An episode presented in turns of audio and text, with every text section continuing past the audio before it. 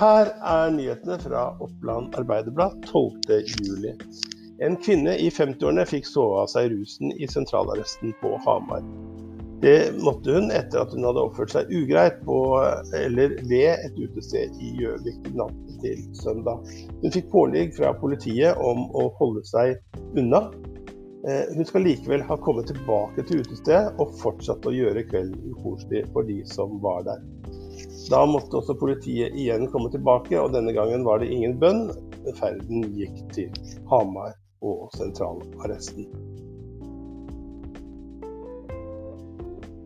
Politiet i Innlandet er kritiske til den private institusjonen Næromsorg, som barnevernet i Vestre Toten har samarbeidet med. 14 ganger på to måneder ble politiet i 2018 bedt om å pågripe en 16 eh, år gammel eh, gutt fra Vest-Oppland.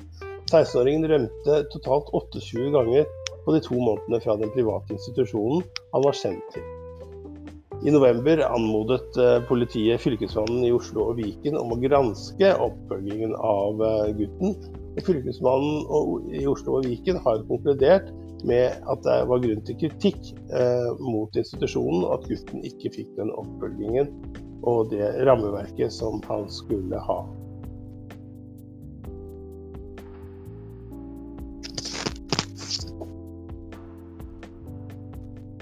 Lokale bedrifter blir oppringt med spørsmål om de vil støtte Natteravnene med en annonse. Denne annonsen kommer i magasinet Gatelangs, som drives av en av to norske eh, eh natteravnforeninger.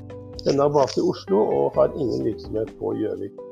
Alle som går natteravner i Gjøvik, gjør det kun på frivillig basis.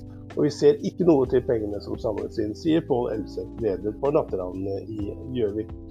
Også flere av de som har kjøpt annonser til Gatelagsmagasinet i 2020, er sterkt irriterte over dette. At pengene ikke kommer til de lokale natteravnene til det reagerer de sterkt på. En løs hund i Rogne i Valdres ble observert eh, søndag, nei, lørdag mens den sto over et lam og bet. Det viser seg at i alt fire sauer ble bitt og skadet, en så hardt at den ble avlivet etter hundeangrepet. Sent lørdag kveld så hadde politiet fortsatt ikke kontroll på hunden. I veibanen på fv. 33 ved innkjøringen til Vardalsåsen er veibanen merket med store hvite bokstaver og påskriften 'Oppland'. Statens vegvesen er ikke spesielt fornøyd med den private initiativet til merkingen i veibanen. Dette ser ut som en stille protest mot fylkesreformen, sier trafikkoperatør Thomas Eriksen ved Statens vegvesen. Når OA tar kontakt lørdag ettermiddag for å forhøre seg om saken.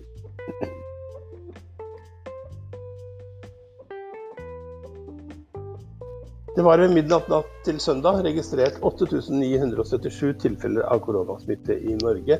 Det viser tall fra Folkehelseinstituttet. Dette er en økning på tre tilfeller siste døgn, og de to siste dagene er økningen på tolv tilfeller. Tallene er hentet fra meldingssystemet for smittsomme sykdommer og viser en foreløpig oversikt over eh, covid-19-angrepene i Norge. Dette var noen av de nyhetene du eh, finner på Oppland Arbeiderblads eh, nettside i dag søndag. Gå inn utover dagen og finn nye og flere nyheter fra Vest-Oppland og Innlandet.